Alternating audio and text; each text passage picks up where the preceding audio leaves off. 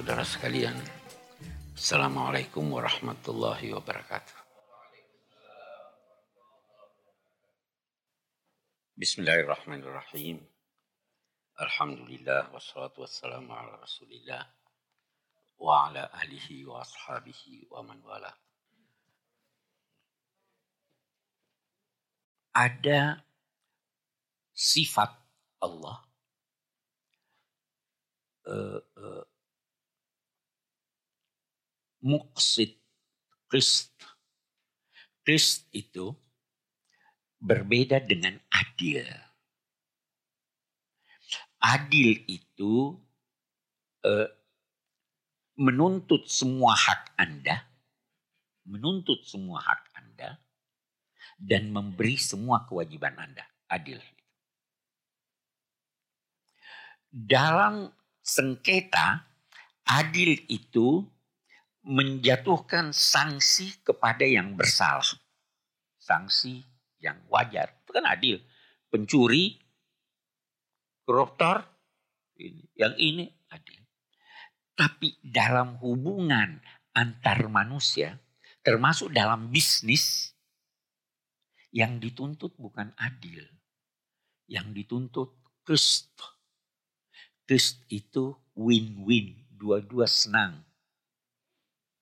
Nah, kalau kita beri contoh, saya punya anak, satu besar, satu kecil. Anak yang kecil rampas mainan kakaknya. Ya, nangis. Mau adil. Hei, itu bukan kamu punya, kasih kakakmu. Menangiskan yang kecil. Nah, lakukan kus. Beritahu kakaknya, nak kasih saja adikmu itu nanti ayah belikan kamu yang lain yang lebih bagus. Dua-dua senang atau tidak? Nah, di hari kemudian, kembali lagi Imam Ghazali kita ambil dia punya pendapat. Di hari kemudian, ada orang-orang yang datang kepada Allah mengadukan orang lain. Ya Allah, waktu di dunia si A ini melakukan ini, ini, itu terhadap saya, saya sekarang datang menuntut. Kamu mau apa? Saya mau ganjarannya. Itu nanti ada orang yang diistilahkan oleh Nabi bangkrut. Muflis. Tetapi tidak jarang terhadap orang-orang yang baik, yang taat kepada Allah. Eh, yang Allah mengambil alih dosanya. Bagaimana itu? Itu ada doa. Ya Allah, Allahumma inna li dhunuban fima baini wa bainik wa dhunuban fima baini wa baina khalqik. Allahumma makana laka minha faghfirhu wa makana minha li khalqika fatahammalhu anni. Ya Allah, saya punya dosa antara saya denganmu. Ada juga dosa saya antara saya dengan makhlukmu. Yang antara saya denganmu, saya mohon ampuni. Karena memang dia berwenang untuk mengampuni. Tapi antara saya dengan makhlukmu, Allah tidak mau ambil hak Anda. Maka bagaimana caranya? Ya Allah, ambil alih. Ambil alih. Nah, maka Allah melakukan putusan yang kris, bukan yang adil. Bagaimana itu? Waktu ini orang datang eh, mengadu, Allah terus berfirman padanya, coba kamu menengok ke atas dia menengok ke atas, dia lihat suatu pemandangan istana yang sangat indah. Orang ini bertanya, ini kisahnya Imam Ghazali, orang ini bertanya, ya Allah itu siapa yang punya? Allah menjawab, yang sanggup membeli. Siapa yang sanggup membeli? Allah berkata, kamu kalau mau beli bisa. Bagaimana saya beli? Maafkan saudara. Itu kris. Dia udah senang kan? Jadi jangan pernah berkata, saya tuntut di akhirat. Anda rugi. Anda rugi.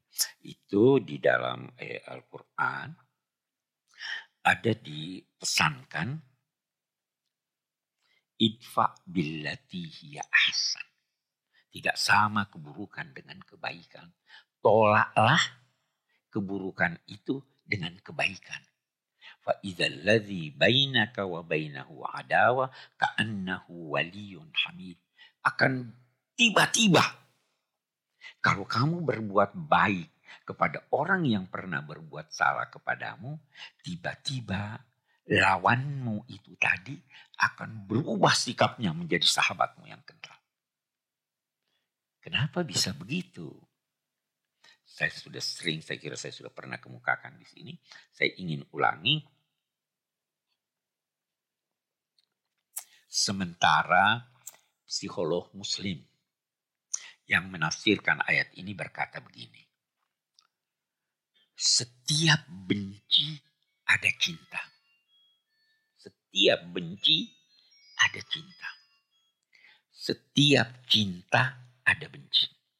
Kalau kita mau eh, eh, kaitkan kita di sini ada lagu benci tapi rindu. Kok benci kok rindu? Karena setiap benci ada rindu setiap eh, cinta ada bagus. Kita ini manusia. Hubungan kemanusiaan itu eh, eh, eh, eh, pada dasarnya ada. Itu sebabnya kalau Anda berada di luar negeri, tidak kenal siapa-siapa, tiba-tiba ada satu orang Indonesia datang. Senang gak? Walaupun dia berbeda agama dengan Anda. Karena manusia begitu. Sebaliknya, atau kita perluas. Anda berada di tengah hutan sendirian. Yang ada binatang. Yang ada ini segala. Kesepian. Tiba-tiba ada satu orang muncul. Anda tidak kenal dia. Hubungan terus ada. Itu manusia seperti itu. Waktu Anda memusuhi seseorang yang ma, yang yang yang timbul di bawah dan dan naik ke permukaan adalah kebencian. Tapi sebenarnya dalam saat yang sama ada Anda pendam rasa cinta, rasa sayang. Saya sering beri contoh begini. Ada bapak-bapak suami baru dapat untung dari dari dari kantor dia sudah rencana oh ini saya mau beli ini sampai di rumah dia cerita sama istrinya Istrinya terus bilang, Gede belikan deh saya ini, itu, itu. Mendesak. Dia cinta pada istrinya, dia belikan. Cinta toh? Ada enggak sedikit di dalam hatinya? Ada itu. ya kan? Itu terpendam ke bawah. Bisa juga sebaliknya begitu. Ada ibu-ibu sudah tidur, ini suami malam-malam datang buka pintu, dia bukakan pintu mau pergi tidur. Eh, saya belum makan, saya lapar. Dia masakkan Anda. Atau dia siapkan paling tidak masakan dia. Ada enggak jengkel sedikit dalam hatinya? Setiap cinta ada benci, setiap benci ada cinta. Sewaktu Anda melakukan sesuatu yang baik kepada yang memusuhi Anda itu tiba-tiba kumpulan dari rasa sayang yang terpendam di dalam hati itu muncul ke permukaan sehingga dia akan bersahabat dengan Anda. Tiba-tiba dia menjadi ini. Itu kata eh, orang, itu sebabnya yang paling dibenci oleh seorang perempuan adalah bekas suaminya yang sangat dia cintai yang kawin lagi. Benar gak? Siapa yang punya pengalaman? Nah, jadi Anda rugi kalau Anda tidak maafkan. Anda kehilangan satu sahabat. Agama menginginkan kita ini hidup harmonis. Saling maaf, memaafkan. Udahlah yang lalu, sudahlah. Mari kita bina hubungan kita yang baik. Karena kalau tidak, kita rugi. Bukan cuma rugi di akhirat, kita rugi tidak dapat teman, bahkan kita rugi tidak akan lancar kerjaan kita.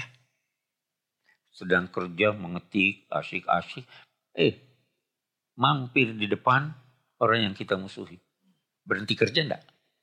Ah, maafkan itu. Mari kita buka lembaran baru itu. Itu sebenarnya yang diinginkan oleh agama.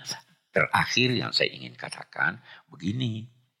Semakin dekat hubungan antara seorang dengan yang lain, semakin banyak tuntutannya.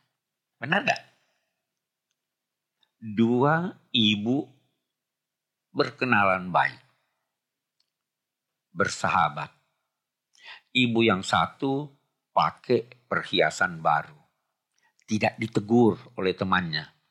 Kira-kira dia senang.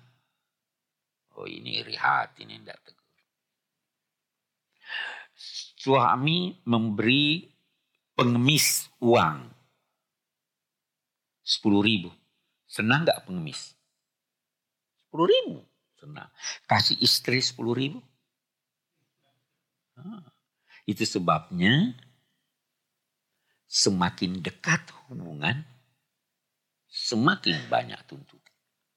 Saudara, Anda mau beri sama dengan orang lain, bakal marah. Semakin dekat hubungan kita ini, semakin berpotensi kita untuk salah paham. Nah, maka ini yang pertama. Itu juga sebabnya Allah menyatakan al-aqrabuna aula bil ma'ruf. Orang yang dekat kepada Anda itu lebih wajar untuk Anda berikan ma'ruf, untuk Anda beri kebaikan. Orang lain tidak kenal Anda, tidak ini. Cari teman-teman. Itu saya kira yang saya dapat kemukakan. Assalamualaikum.